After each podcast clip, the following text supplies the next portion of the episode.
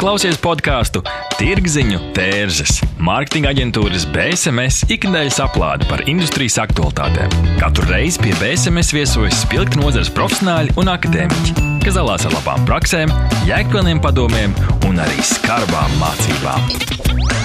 Aiziet! Šodien Tirziņu tērzes studijā Inta Buša un Denis Ševeļovs. Hei visiem! Šodien jūs klausāties 4. tirgziņu tērzes podkāsta epizodi. Mūsu tēma - kā reklamēties, kad klientam ir adblock. Un par šo tēmu mēs esam uzaicinājuši divus viesus. Jānis Keisis, aģentūras Media House, digitālā mārketinga speciālists un mediju plānotājs. Sveiks! Sveiki! Un Jekaterina Pukinska, Barbora.lv pārdošanas mārketinga vadītāja. Sveiki! Sveiki, prieks jūs abus satikt. Jā, par šo tēmu vispār par atblokeriem es pirmo reizi aizdomājos, kad ap, apmeklēju Citadeles bankā. Katru gadu viņi rīko kaut kādas konferences, tas bija pirms gadiem pieciem. Tad viņi veikuši pētījumu, kur arī aktualizē šo lietu, kā daudz Latvijas iedzīvotāji izmanto adblokerus. Es it kā toreiz biju tāds jaunāks un it kā man vajadzēja lietot pēc tam pētījuma adblockers, bet es nebiju uh, lietojis. Tad pajautāju savus arī vienaudžus, vai kas tas ir, kāpēc viņi to dara. Un tad izrādās, ka jā, bieži, bieži vien tiek izmantoti adblockeri ar dažādiem kaut kādiem extensioniem. Tur, uh, lai viņi neredzētu reklāmu. Kāpēc viņi to dara, līdz galam man nebija sapratams.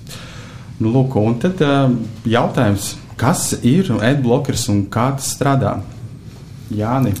Adblockers būtībā ir uh, plugins vai teikt, pievienota aplikācija gan web browserim vai mobile browserim, kas bloķē reklāmas mēdījos, uh, ziņu portālos, visādās aplikācijās. Jaunākie pat spēj sociālajos tīklos bloķēt reklāmas. Viņš būtībā strādā uz to, ka viņš uh, atrod mājaslapā HTML kodus, uz kā balstās uh, reklāmas, visas flash animācijas, video autoplay, tos visus viņš spēja atpazīt un automātiski bloķē. Kā arī lietotājs var izveidot tādus kā whitelistus vai bloklistus. Whitelist būtībā ir mājaslapas, kuras viņ, viņš atļauj reklāmas rādīt, a bloklists ir, kur neatļauj rādīt reklāmas. Ir visādi atbloki, kur lietotājs pats var atzīmēt uh, visas reklāmas, ja viņš kādu redz. Ja kādi paslīdējuši garām, protams, Vai jūs pats lietojat adblockerus? Es adbloku lietoju kādus 10, 12 gadus atpakaļ, kad parādījās tas trends, kā teikt, bet viņi vēl bija, teikt, savā attīstības sākuma fāzē, un tā visa bloķēšana reklāma noved pie tā, ka pat uh, kritiski tika sabojāta pieredze pārlūkprogrammās, ka viss labs sabruka, vai nācās pārņemt savu pašu pārlūku un dzēst ārā adbloku, lai atjaunotu normālu dzīvi, kā teikt, internetā. Bet tad, kad tu sāki pats lietot, vai tev bija tāda interese, jo tas bija trends, vai tā bija reāla problēma, ko tu kaut kā risināji? Varētu teikt, ka problēma man bija bišķiņa apnikušas reklāmas, un man gribējās kaut ko brīvāku. Jo te, tas moments bija tas, ka ļoti populāri bija visā tie pop-up baneri, kas visur lec ārā, un man tas bija apnicis, līdz ar ko es adbloku izmantoju, lai likvidētu to problēmu. Jekaterīnā, kā jums ar adblockeriem personīga pieredze? Es neesmu lietojusi reklāmas bloķētājus, jo pirmkārt man ir jāsako līdzi, kas notiek nozarē. Man arī pašai interesanti, kā izpaužās citi tirgus spēlētāji, gan konkurenti, gan arī citu jomu speciālisti. Jā, protams, nu, kā jau mēs paši pieminējām, kāpēc cilvēki vispār to dara? Tāpēc, ka pirmkārt, vai nu viņiem nepatīk reklāmas, un viņi vēlās aizsargāt savu privātumu.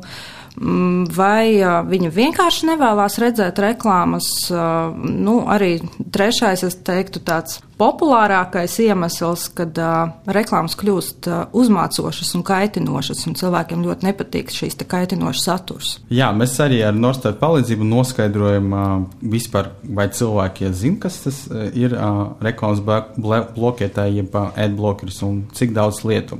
Tad tā 16% kopu vispār nezina, bet taču uh, 6% uh, no vecuma grupas 18, 29% nezina, kas ir adblockers. Tas nozīmē, ka vairums jauniešu zina, kas tas ir, un arī 57% no tiem arī lieto. Ka, kas lik, liekas mazliet. Varētu būt problēma nogādāt vēstījumu caur reklāmas palīdzību tieši interneta vidē, uh, Un, bet kopumā pa Latviju 39% ir tā, tie, kas lieto adblockerus, savukārt 44% nelieto. Kā jūs komentējat šo Jāni? Par to, ka lietot, šie cilvēki vienkārši sapratuši, ka viņi negrib redzēt reklāmas, jo viņi noguruši no viņām, jo viņas pārāk daudz jau parādās. Un sāk atkal jau tas trends parādīties pop-up banneri, full screen banneri visās malās. Un tas uh, lietotājs nogurdina, ka arī ir daudz straujāka informācijas apmaiņa šo digitālajā pasaulē, vidē šobrīd.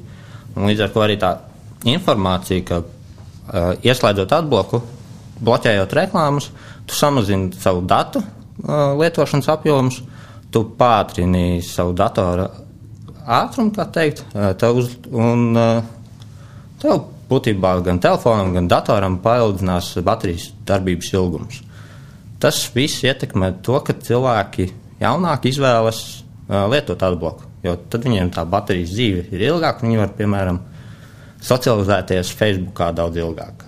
Okay, tas ir tāds avansēts zināšanas, pat pats nebūtu iedomājies, ka šāda veida var arī ietaupīt uz baterijas un CPU resursiem. Kā cilvēki varētu nonākt pie tādas, viņi iegūlē vai kāds pastāsta, vai jaunieši tiešām ir vairāk izglītoti šādā jautājumā?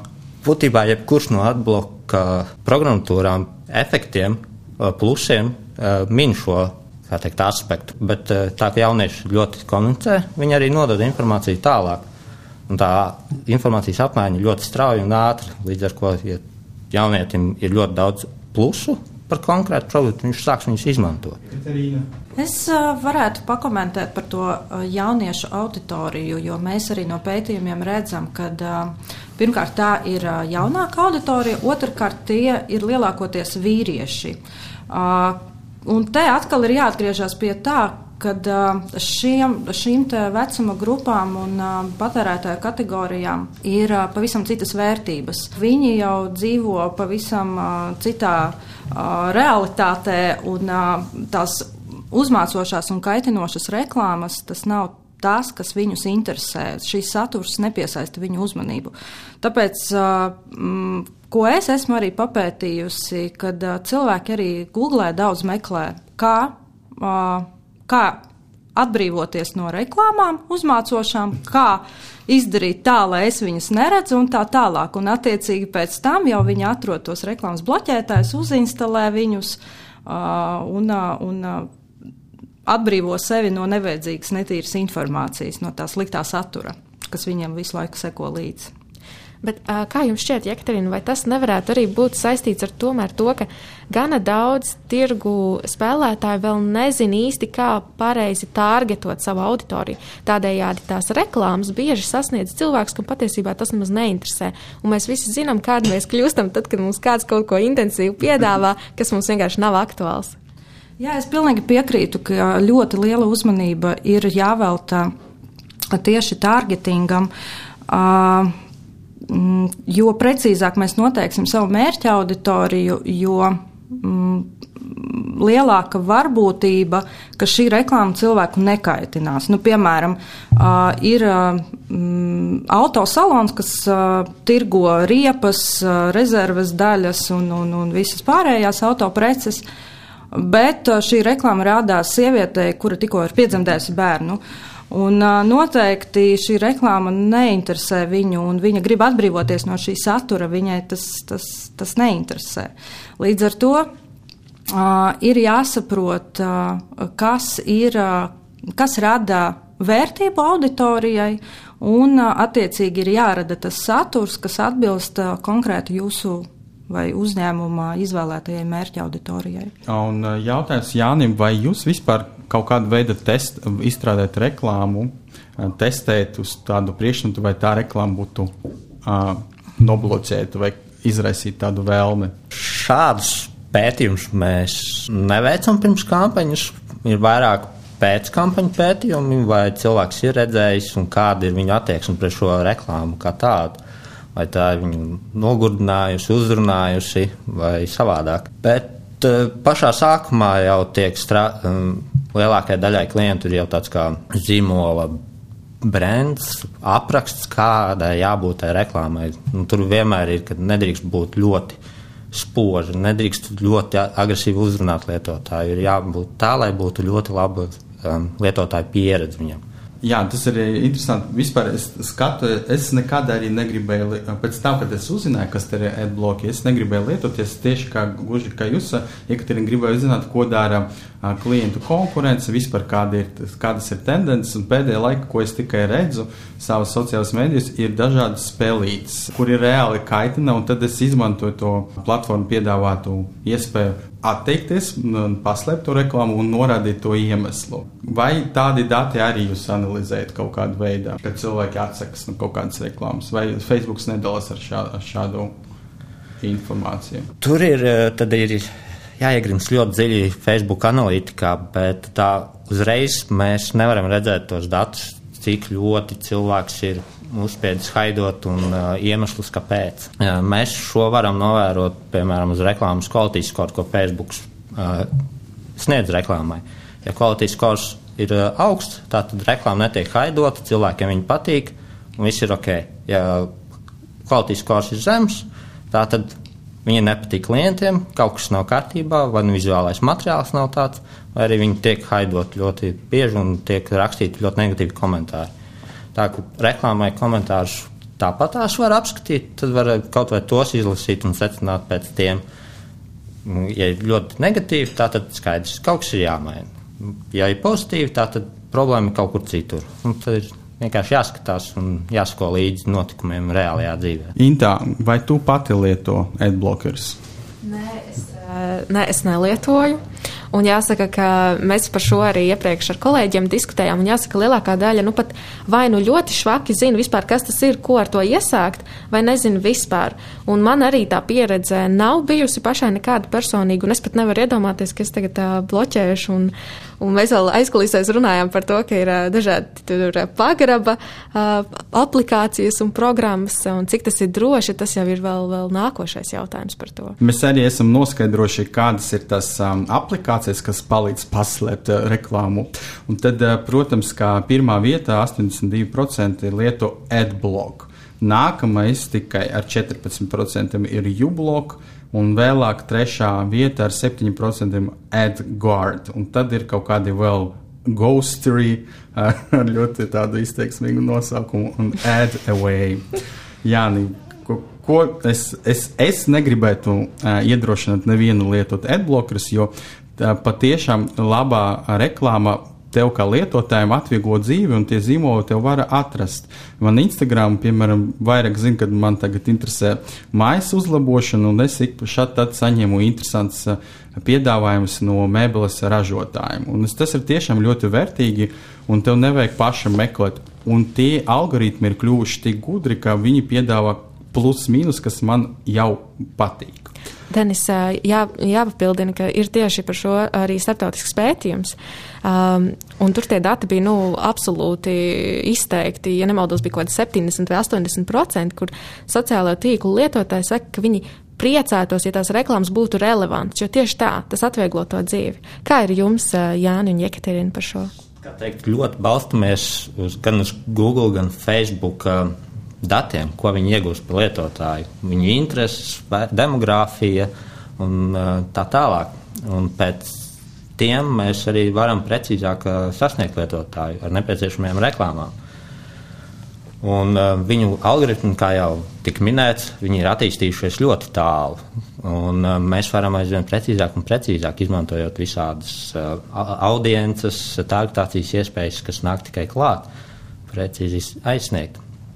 Un, jā, protams, šajā gadījumā viņi neapiet atblokus, ko lietotāji lieto, bet um, pamazām atbloki sāk pieļaut dažu reklāmu caur, uh, iziešanu cauri, kas atbilst kaut kādām noteiktām izvirzītām prasībām, kas ir pasaulē visi lielie uzņēmumi, Google, Group, M, uh, Procter Gamble ir vienojušies, kādām ir jābūt, kuri viņām ir jābūt uh, portālā, lai viņas uzlabotu lietotāju pieredzi un būtu relevantas. Kā jums, Barbara LV, ar reklamēšanu internetā? iet. Mēs ļoti aktīvi reklamējam uh, savus pakalpojumus internetā, bet šeit arī ir jautājums par to, ka vajag cienīt savus auditorijas laiku un pieredzi un uh, sniegt viņiem uh, tādu informāciju, kas viņiem tiešām dod kaut kādu vērtību. Ja, piemēram, Mēs zinām, ka mūsu klientam ir ļoti svarīgi saņemt pirkumus tajā pašā dienā, tad attiecīgi šīs būs mūsu galvenais message, un mēs sasniegsim savu auditoriju, jo šeit ir ļoti svarīgi katram uzņēmumam tiešām izpētīt un zināt savu auditoriju un pielāgot arī tās ziņas savas auditorijas vajadzībām. Un, uh, Es neteiktu pat, ka būtu jācīnās ar šiem te adblokeriem un uh, un jādomā kaut kādas iespējas, kā no viņiem tikt vaļā. Es tieši domāju, ka vajadzētu vairāk respektēt lietotāju vēlmes un meklēt kaut kādas jaunas iespējas, optimizējot savas reklāmas ziņu kvalitāti un arī pārdomājot tieši, ko, ko uzņēmums reklamē. Tā veidojas tāds, tāds sajūta, ka tas ir lietotāju reakcija uz to, ka viņi saņēma kaut kādu neinteresantu vai kaitinošu reklāmu un viņi tāpēc mēģina pasargāt. Mēs arī noskaidrojam, kāpēc cilvēki lieto adblockerus. Protams, ka 77% norādījuši, ka pārāk daudz reklāmu viņi saņem. Bet kā mēs varam to, to ietekmēt? Pirmi, pir, ir tirgus, ir kaut kādas rek, reklāmašas iespējas, vai vajadzētu visiem tirgus dalībniekiem padomāt, kā efektīvāk izmantot platību. Uh, reklāmu platību digitālais plašumos. Jā, nekā jūs uz to skatāties? Es skatos uz to, ka visiem teikt, portāliem, webdizaineriem būtu jāsanāk kopā un jāvienojas par konkrētiem standartiem, kādam ir jābūt apjomam no reklāmām, kas ir parādās mājaslapā, kādās vietās parādās, tā lai nebūtu tā, ka tiešām lietotājs ieiet, viņam ir 50% no ekrāna reklāmā. Jo arī, kā jau es iepriekš minēju, ir tās pasaules organizācijas kā Acceptable Ads Committee un Coalition for Better Ads. Viņi izstrādājuši konkrētus uh, standartus, kuriem ir jāpakļaujas, ja tu gribi ietilpst viņā, un, lai tavas reklāmas iziet cauri adblokiem. Tur ir konkrēti izmēri, konkrēti izvietojumi mājaslapā. Ja tavs portāls viņiem neatbilst, tad tu um, pat netiec iekšā, kā teikt. Bet kā ir Latvija ar šo situāciju? Bija kaut kādi mēģinājumi uz, uztaisīt nu, aizkulisēs tikšanas starp lieliem aģentūram? Vai... Šo es nezinu, neesmu dzirdējis par šādām lietām. Ja ir bijis, tad tas ir bijis tā klusiņām noslēpumaini iespējams. Bet skatoties portāli domā par to, lai lietotājiem tā pieredze uzlabotos un viņi gribētu atgriezties. Jo tomēr lietotājs, kas atgriežas, viņš tomēr redz kaut kādas reklāmas, un no tām reklāmām tam portālam ienāk kāda nauda. Kā teikt. Bet bija kaut kādas mēģinājumi arī parunāt ar portāliem, jūs konsultēt viņus arī, kā viņi vajadzētu mainīt savu politiku šai jautājumā. Par atbloku lietošanu? Nē, vai? vispār par to, cik daudz vajadzētu atvēlēt vietas reklāmai. To es kaut kā sarunās mm. ar viņiem. Nē, tas ir, kā teikt, portāla iekšējie teikt, darbības, un to mēs īsti nevaram iespaidot. Mēs varam tikai respektēt viņu teikt, izvēli, kā viņi savu ceļu tālāk iet, vai ir vairāk reklāmas vai mazāk reklāmas. Protams, no aspekta tāda, ka viņiem ir vairāk vietas, kur reklamēties, mums tas arī nāk par labu. Mēs varam izvietot vairāk, līdz ar to mēs uh, biežāk un intensīvāk sasniedzam šo lietotāju. Bet tajā pašā laikā mēs viņu nogurdinām ar pārāk daudz reklāmām, kas ir nu, koks ar diviem galiem. Jā, šeit uh, ir svarīgi atrast to līdzsvaru. Jekaterina, kā jums praksē ir uh, izvietojot reklāmu? Jūs klausāties vairāk, ko jums uh, tas kanāls piedāvā, vai jūs paši nāciet ar kaut kādiem uh, priekšlikumiem? Mēs pirmkārt ļoti izvērtējam savu auditoriju. Jebkuram uzņēmumam ir, it sevišķi mārketinga un mārketinga speciālistiem, ir ļoti svarīgi uh, zināt, uh, kas ir viņa klients, kas viņu interesē un kas ir viņa vērtības.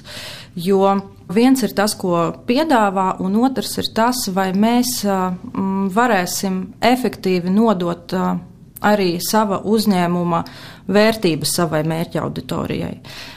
Tāpēc sākumā mēs izvērtējam savu, savu auditoriju, tad mēs saskaņojam, saprotam, vai konkrēti šajā kanālā mēs šo ziņu varam reklamēt, vai tas būs interesanti, saistoši, vai tas piesaistīs uzmanību vai nē. Jo, piemēram, mēs nevaram reklamēt uh, melnas mašīnas klientiem, kuriem patīk tikai sarkanas. Teiksim, tāds vienkāršs piemērs. Viņam būs uzkrītoši, kaitinoši. Viņš grib sarkanu un viss. Un uh, tirgus spēlētājiem viņiem arī ir jāņem vērā, jo viss jau tiek darīts klientu dēļ, un, un arī tā veiksme biznesā ir atkarīga no tā, kā uh, uzņēmums klausās, ieklausās tieši savā klientā. Man ir jautājums, Jā, uh, Jekaterina. Vai varbūt Barbara LV ir arī ņēmusi vērā kaut kādus šos Jāņa minētos starptautiskos standārtus vai, vai kaut kādus šos starptautiskās politikas, kas tad ir realizētas citviet? Vai, vai tas ir tāds kaut kāda iekšējā uzņēmuma vērtību skala? Mums noteikti uh, mājaslapā jebkuram lietotājam arī ir izvēle. Viņš var uh, piekrist vai nepiekrist uh, visām sīkdatnēm, saņemt mārketinga materiālus vai, vai nesaņemt tos, un tos mēs respektējam. Mums ir ļoti tiešām stingra tā privātuma politika uzstādīta uzņēmumā, tāpēc, ka mēs pirmkārt mums ir svarīga mūsu klientu svarīgi mūsu klientu privātums un arī savu uzņēmumu reputāciju. Paldies! Jā. Vēl, protams, ka es pieminēju par sarkanām un melnām mašīnām, tad arī 45% norādījuši, ka viņi lieto adblockers, jo uzskata, ka reklāma ir nerelevanta un kaitinoša. Tas ir tiešām tas moments, kā mēs esam varbūt mārketinga tik ilgi, kā ir ir veidojušies noteikti standarti, un arī paši liet, mediju lietotāji ir kļuvuši izvēlīgāki un konkurence ir lielāka. Tāpēc tagad var atrast informāciju ne tikai viena portāla, bet arī ārzemju portāls. Un, uh, mūsu iedzīvotāji patērē medijus ne tikai latviešu valodu, bet uh, citas valodas. Ok, tad uh, pirms uh, mēs pārnāksim pie otrā sadaļas, neliels pārtraukums. Tirziņa tērzes - tas ir vērtīgs saturs mūsdienīgam mārketinga speciālistam. Neatbildami jautājumi, sarežģīti lēmumi. Sazinies ar Norstat. Mēs palīdzēsim. Norstat. Tas ir draudzīgs servis, innovatīvi risinājumi un kvalitatīvi dati, lai tu varētu pieņemt veiksmīgus, datos balstītus lēmumus. Pievienojies vairāk nekā simts Latvijas uzņēmumiem, kas uzticas vadošajam datorisinājumu nodrošinātājam Ziemeļeiropā. Mūsu mērķis ir atvieglot tavu dzīvi un ļaut pieņemt pareizus lēmumus. Norstat - vērtīgi dati svarīgiem lēmumiem. www.norstat LV Mēs esam noskaidrojuši, um, kā puse lietojat blokerus, un tad um, sapratam, varbūt tagad gribētu vispār saprast, vai ir vērts cīnīties ar viņiem un kā, ko mēs varam piedāvāt. Jāni. Manā skatījumā cīnīties ar atbloku lietošanu tas ir diezgan neefektīvi. Jo pirmkārt, ja lietotājs izvēlējies atbloku, tad viņš negrib šīs reklāmas. Un, ja mēs viņam sāksim uzspiest viņas, viņa tā pieredze, tā, kā teikt, vēlme, interese pret šo uzņēmumu vai produktu, kas tiek piedāvāts, pazemināsies. Kā arī viņš sāks ienīst to uzņēmumu, ka viņam tik ļoti uzspiež šīs reklāmas, ka viņš atteiksies, piemēram, pirkt to produktu vai iet pie šī uzņēmuma pēc pakalpojuma. Un tā, ka viņš būs negatīvi iespaidots, viņš šo negativitāti pastāstīs tālāk. Un vis, un tas, tas negatīvais imidžs tikai izplatīsies, līdz ar to uzņēmumam tas būs, kā teikt, sitiens pa brendu, kas arī negatīvi kā teikt, ir vairākas iespējas, kā teikt, apiet atbloku. Ir tie uzņēmumi, kas piedāvā šādu iespēju, ka apiet atbloku kodus, kas uh, atrod un bloķē, bet tad sanāk beigās, ka tam lietotājam mājaslapā visās uh, reklāmas pozīcijās viens klients ar vienu to pašu reklāmu, kas vienkārši nu, teikt, izbēsīs viņam. Bet vai tas tiek arī uh, pielietots Latvijā? Ir tādas prakses? Par Latviju es nezinu, vai šāda praksa ir un vai šādi uzņēmumi eksistē, bet ārzemēs ir šādi uzņēmumi. Un, cik es saprotu, pēc dat, uh, rakstiem viņi tiek izmantot, bet izmaksas ir ļoti dārgas un tas uh, revenue vai value no tā ir diezgan zems beigās. Jo atblock visi tās programmas un ražotāji, viņi nepārtraukti attīstās. Viņi saprot eh, savus caurumus programmatūrās, viņi nepārtraukti viņus atjaunina, uzlabo, līdz ar ko tām, eh, tiem uzņēmumiem, kas mēģina apiet, viņiem nepāt, viņi nepārtraukti ir kā viens soli atpakaļ, jo viņiem ir entās dienas jāpavada meklējot e, risinājumu apiet, kamēr adblock ražotāji viņiem pāris stundas uzlabot, kā viņi ierauga, ka kaut kas nav pareizi. Kāds vispār ir motīvs pašiem uzņēmumiem veidot tos atblokerus? Viņi, tas ir maksas pakalpojums vai ko viņi iegūst no tā? Lielākoties visi atblokeri ir bezmaksas, kurus tu vari kā plugins pievienot saviem browseriem, bet ir tagad, ka visi populārie browseri kā Chrome, Edge, Opera, Fārī, viņiem jau ir iebūvētie atbloki iekšā, viņi paši radītie, kurus tu vienkārši ieeji settingos un ieslēdz. Ir tāds brīvs, kas automātiski jau darbojas, bet tur ir atkal savi plus-mínus. Kamēr tu neredzi citas reklāmas, viņi rāda savas reklāmas. Ir maksas varianti, bet tur nāk visādas papildus opcijas. Kā, kā jau es iepriekš minēju, tu vari veidot savus whitelistus un bloklistus, augšuplādēt.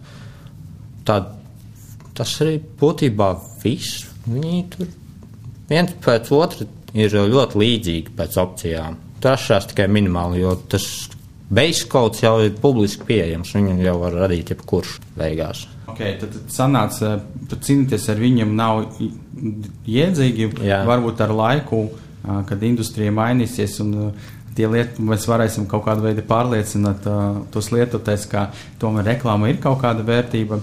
Paies laiks. Iekaterina, bet kā var nodot apmaksātu ziņojumu auditoriem, kas tieši lieto e-blokerus? Kā jau es minēju, var izmantot uh, citas iespējas. Uh, mm, Tas pats Google Search, mobilās aplikācijas, uh, sociālie mēdīji, kur mēs paši varam radīt saturu. Uh, Un, jāizmanto arī tie paši vietējie mediju kanāli, kas, kas ir ļoti arī plašā daudzumā un nu, caur kuriem arī var uzrunāt šos lietotājus, kuri ir nobloķējuši konkrētas reklāmas.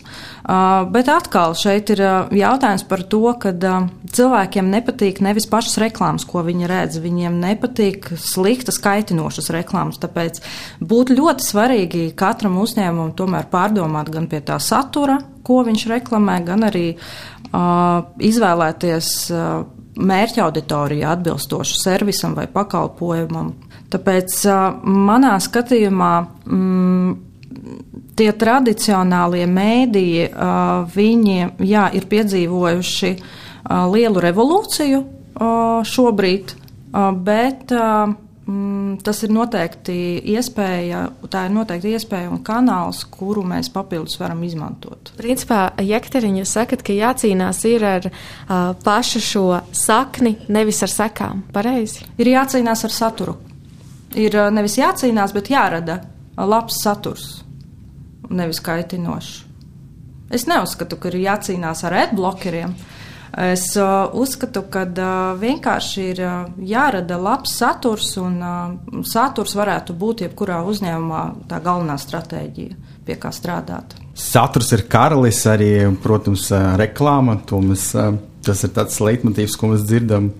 Uh, viss mūsu podkāsts iepriekšējais, jāsaprot, kas tu esi, jāsaprot savu uh, mērķa auditoriju un jāspēj ražot uh, uzrunājušu saturu. Uh, Kāda ir jūsu pieredze, Jāni, jūsu klientiem? Kas strādā, kas nestrādā? Pēc 2021. gadā, ņemot vērā varbūt mūsu pandēmijas situāciju. Gribu precizēt, tas tā vispārīgi pa kopumu vai mēģinot um, Kaut kāds interesants padomus arī varētu. Es domāju, padot. ka šeit mēs varam vēl papildināt ar to, ko, ko mēs jau šo diskusiju iesākām par to saturu. Tad kas ir labs saturs, kas nav labs saturs? Ja, pieņemsim, man ir savs internetu veikals, kurus vēlos promotēt, kā lai es zinu, ka tā reklāma, ko es tagad tāritošu un likšu, ka viņa tiešām sasniegs to cilvēku, un viņš viņu nenobloķēs, ka viņam nebesīs viņu. Ko darīt, kā būt? Tas ir labs jautājums. es ieteiktu sākumā, kā, teikt, kā jau Ektori minēja, veidot to saturu. Visi lielie mēdīju portāli piedāvā satura mārketingu, satura ziņas, visādus infoblogus, reklāmrakstus, kas iet garām adblokiem, vismaz pagaidām, līdz ar ko tu sāc ar savu uzņēmumu e-veikalu konkrētu aprakstu, ko tu piedāvā, kāda, kāda ir tava motivācija, kāda būs lietotājiem plusi no tā, ka viņš pirks pie tevis. Un tad jau tu vari sākt jau veidot savu Facebook, Instagram, savu sociālo lapu, tīklu, kur tu stāsti par sevi, par savu uzņēmumu un uh, publicē interesants postus, kas piesaista lietotāju uzmanību. Un kas tajā pašā laikā arī uh, promotē gan tavu uzņēmumu, gan arī produktus, kas parādās postos. Tu vari piesaistīt influencerus. Tev nav jāsāk uzreiz ar kaut kādiem mm, superpopulāriem Latvijas, kā teikt, uh, Lauris Rēniks. Tas ir kaut ko mazāku. Pie, piemēram, kas Jā. ir, kas ir tas pēdējā veiks, veiksmes stāsts, ar ko drīkst padalīties? Tu domā no influenceriem? Jā. Šajā aspektā es tev nevarēšu sniegt konkrētu atbildi, jo es ar influenceriem nestrādāju. Līdz ar to man nav tādas konkrētas atbildes, kurš labāk, kurš sliktāk. Ok, pārcelšu šo jautājumu Jekaterina, jo noteikti Barbora LV darb, sadarbojas ar influenceriem. Un es pats esmu redzējis daudz. Kā jums, kāpēc tieši influenceri, vai tas arī bija motivēts dēļ tiem adblokiem? Prieks dzirdēt, ka ir pamanīta reklāma. Mēs, jā, mēs sadarbojamies ar influenceriem diezgan uh, ilgstoši, un uh, ļoti daudz esam sadarbojušies pagājuši gadu, kad mēs ies, uh, ieviesām jaunu pakalpojumu uzņēmumā reģionos, un mums bija ļoti svarīgi uzrunāt tieši auditoriju reģionos, un tas bija jādara ļoti ātri, un sapratām, ka vienkārši vienkārši ar tradicionālajiem mēdījiem tas uh, būs uh, ilgtermiņa projekts, process, kamēr uh, mēs izvietosim reklāmu, kamēr cilvēks pieņems lēmumu un tā tālāk. Tas cikls ir diezgan garš. Un tad uh, mēs savā stratēģijā ieviesām šo te, uh, sadarbību ar uh, viedokļu līderiem, jeb influenceriem. Un, uh, Šis projekts tika realizēts dažādos reģionos, piemēram, Alūksnē, Rēzaknē un uh, Valmierā. Un, uh, mēs, atbij, mēs uzrunājām um, influencerus, kur dzīvo konkrētajās pilsētās, un kopā ar viņiem radījām saturu, kā uh, šīs jaunas pakalpojumus, ka tu vari pasūtīt preces internetā un ātri viņas izņemt veikalā, kā ātrākā veidā nodot līdz gala patērētājiem. Uh, Un, uh, es teikšu, ka saturs bija ļoti veiksmīgs.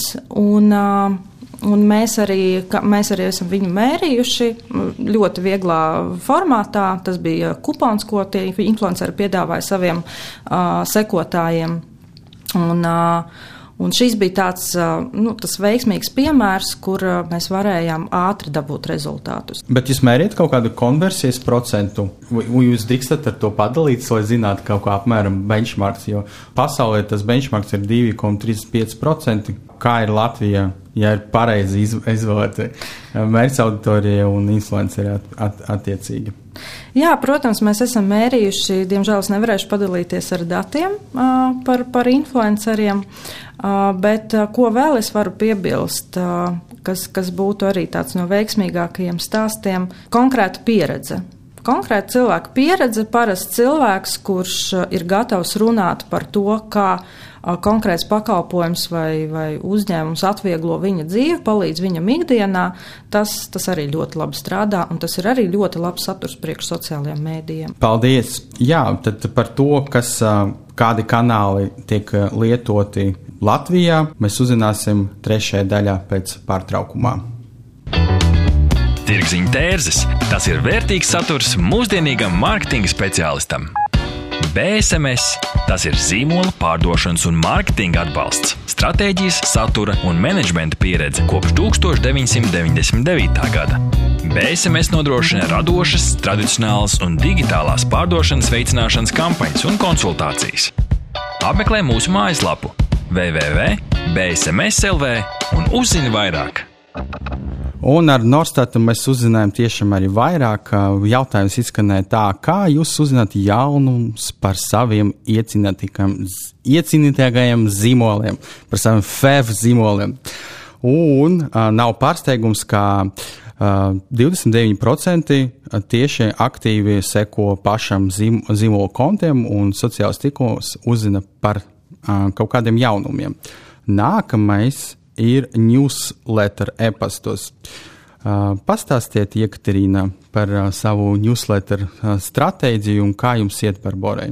Kopumā vispār es uh, piekrītu arī tam, uh, kas ir, uh, tiem datiem, kas ir iegūti pētījumā. Tiešām e-pasta mārketings ir viens no spēcīgākajiem rīkiem, kā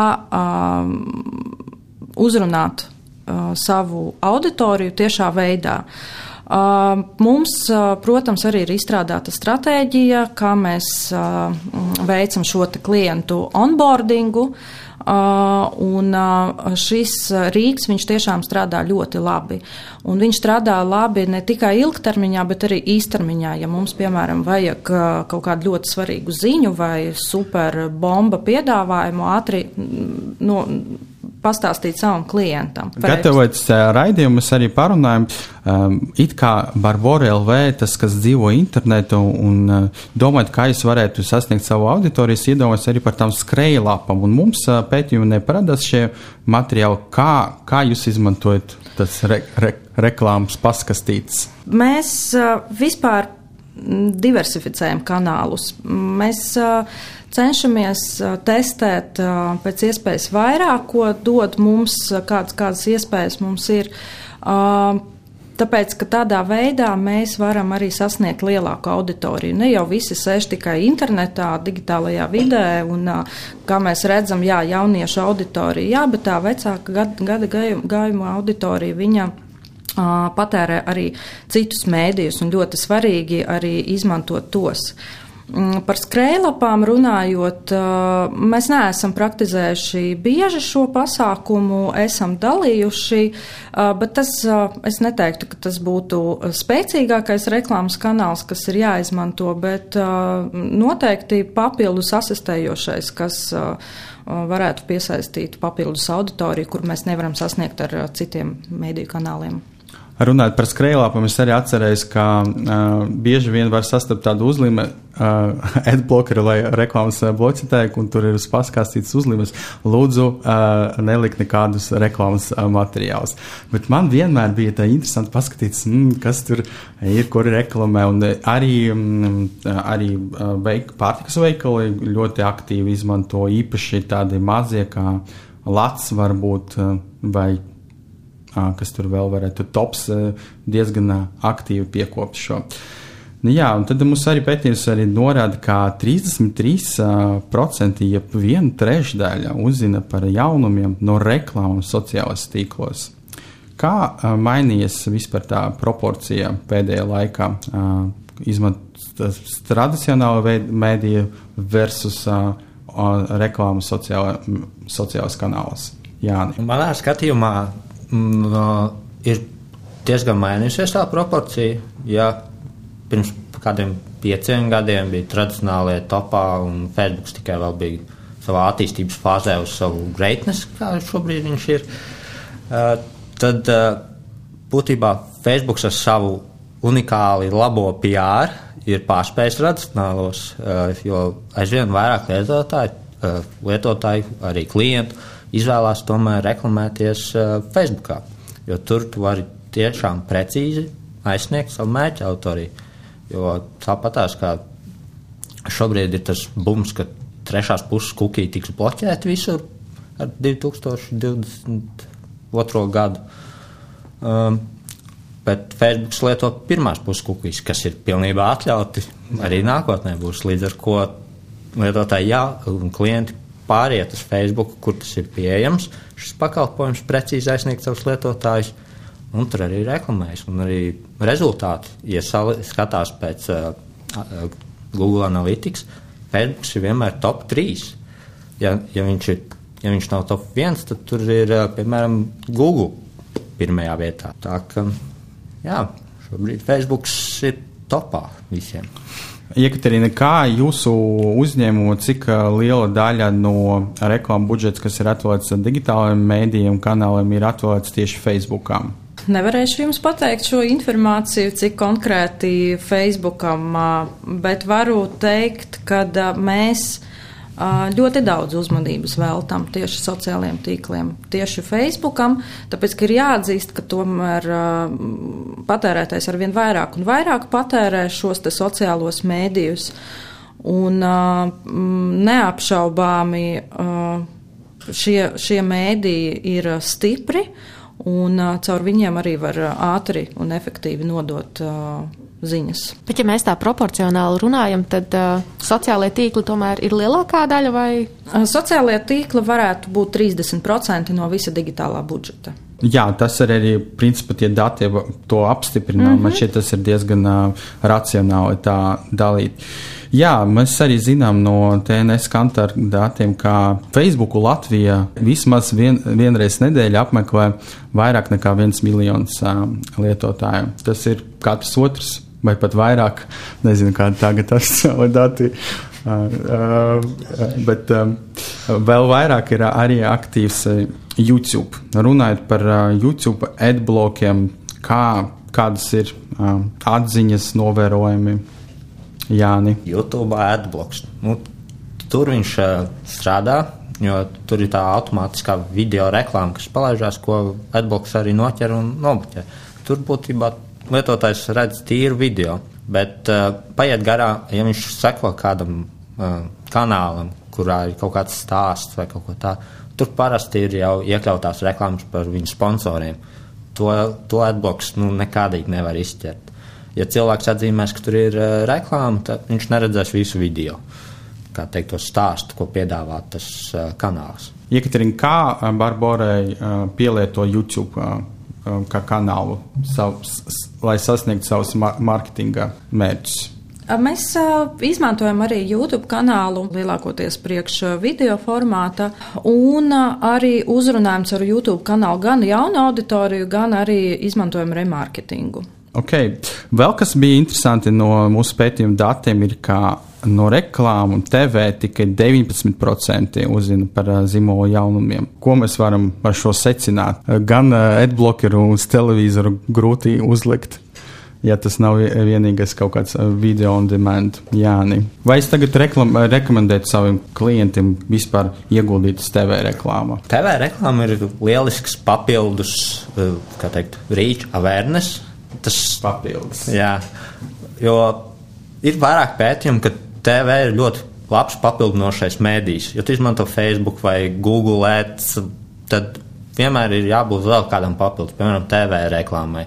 Tad tas uh, revenue value ir beigās daudz lielāks nekā, ja tu izmanto tikai Facebook vai tikai Google Ads. Jo ļoti bieži tas, ka cilvēks, piemēram, redzējis reklāmu televīzijā uh, vienu, divas reizes, un pēc tam redz to pašu reklāmu Facebook. Tur jau viņš iesaistās. Viņš jau uzklišķina uz tās reklāmas, viņš aiziet uz to landing page, tur viņš jau veic to iepirkumu. Līdz ar to um, televīzija, vai radio, vai vide, vai vai tie paši žurnāli, tas ir ļoti papildinošs uh, mēdījis. Protams, viņu teikt, lietošana no lietotāja puses pēdējos gados ir drastiski samazinājusies. Digitālais, digitālā vide ir ļoti priekšā. Ka, piemēram, ja skatās radio, TV un žurnālu kopā, pat neaizsniedz digitālo kopu, kas šobrīd pieejams.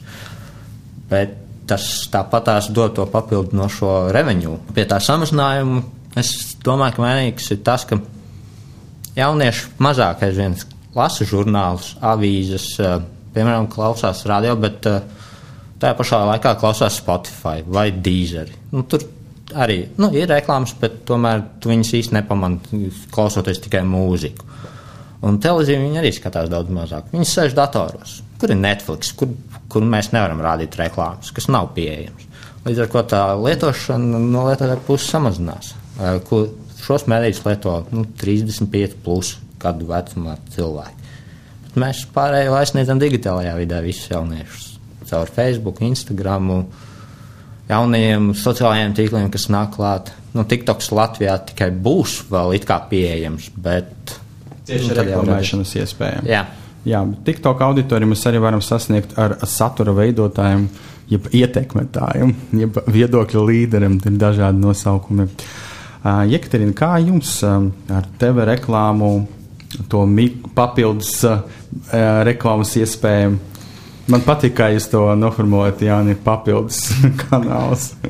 es uh, daļai piekritīšu arī Jānim uh, par to, ka tas uh, ir papildus kanāls, bet varbūt tādā gadījumā, ja uzņēmums tieši digitālo izvēlās kā pamatkanālu, kur reklamēt savu pakalpojumu. Nu, piemēram, tas pats e-veikals. Jā, nu, protams, primāri tā auditorija, kura viņam ir jāsasniedz, viņa atrodas internetā.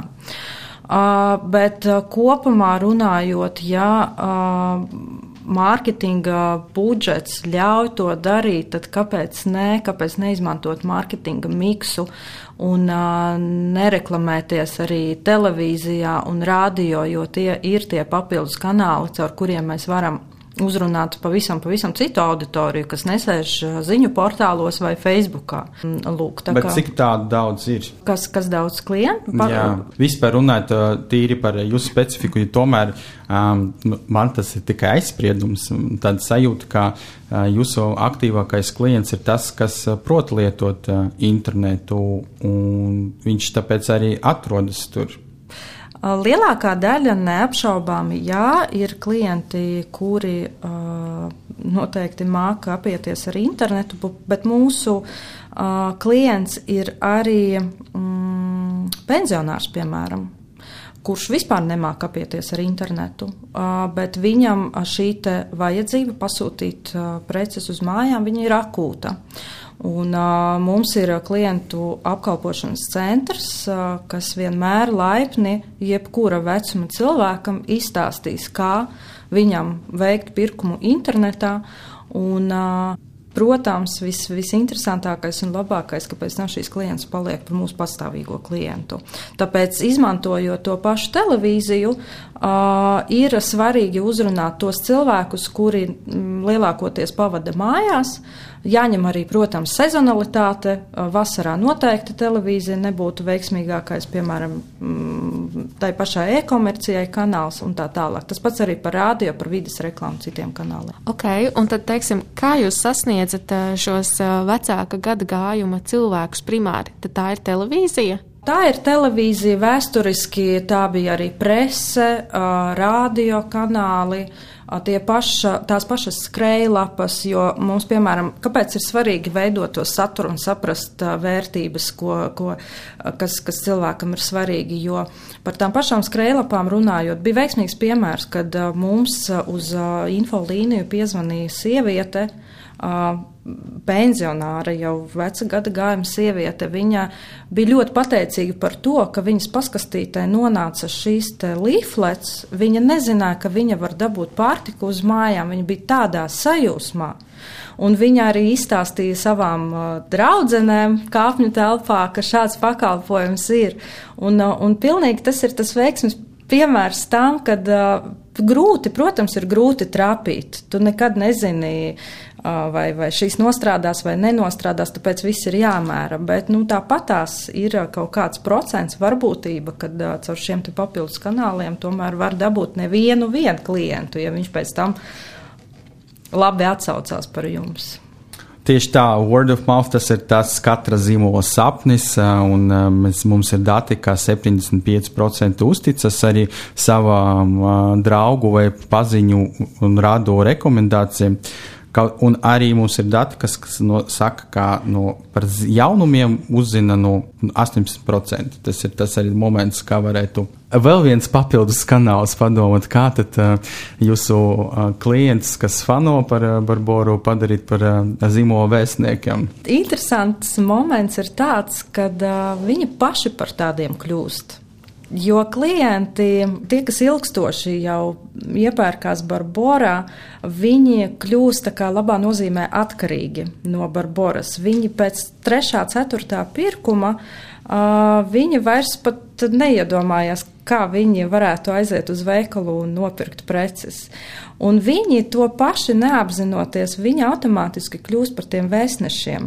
Viņi dalās ar savām atsauksmēm sociālajos mēdījos, viņi dalās atsauksmēs arī ar saviem draugiem, radiem, kaimiņiem un tā tālāk. Tā no mutes mutē reklāma, viņa vispār ir ļoti, ļoti efektīva. Jā, tas ir arī mūsu kā marketologu, ja tirgziņu arī ultimate goal panākt, lai ziņas veidotas labvēlīgas un paši par sevi un izplatītos arī ar minimālu iesaisti.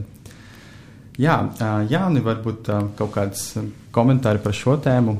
Es būtībā piekrītu Jekaterinai, ka viņi paši automātiski kļūst, kā labā nozīmē atkarīgi un, kā teikt, nodod informāciju tālāk, bet, lai kļūtu par to labvēlīgi atkarīgo, tev ir nepārtraukti jāiemīl, vajag mīļi darboties ar šo lietotāju E, spe, e, visādi speciāli oferi jāsūta, sociālajos tīklos jārāda visādi tieši viņiem specifisks uh, pakalpojums, produkts.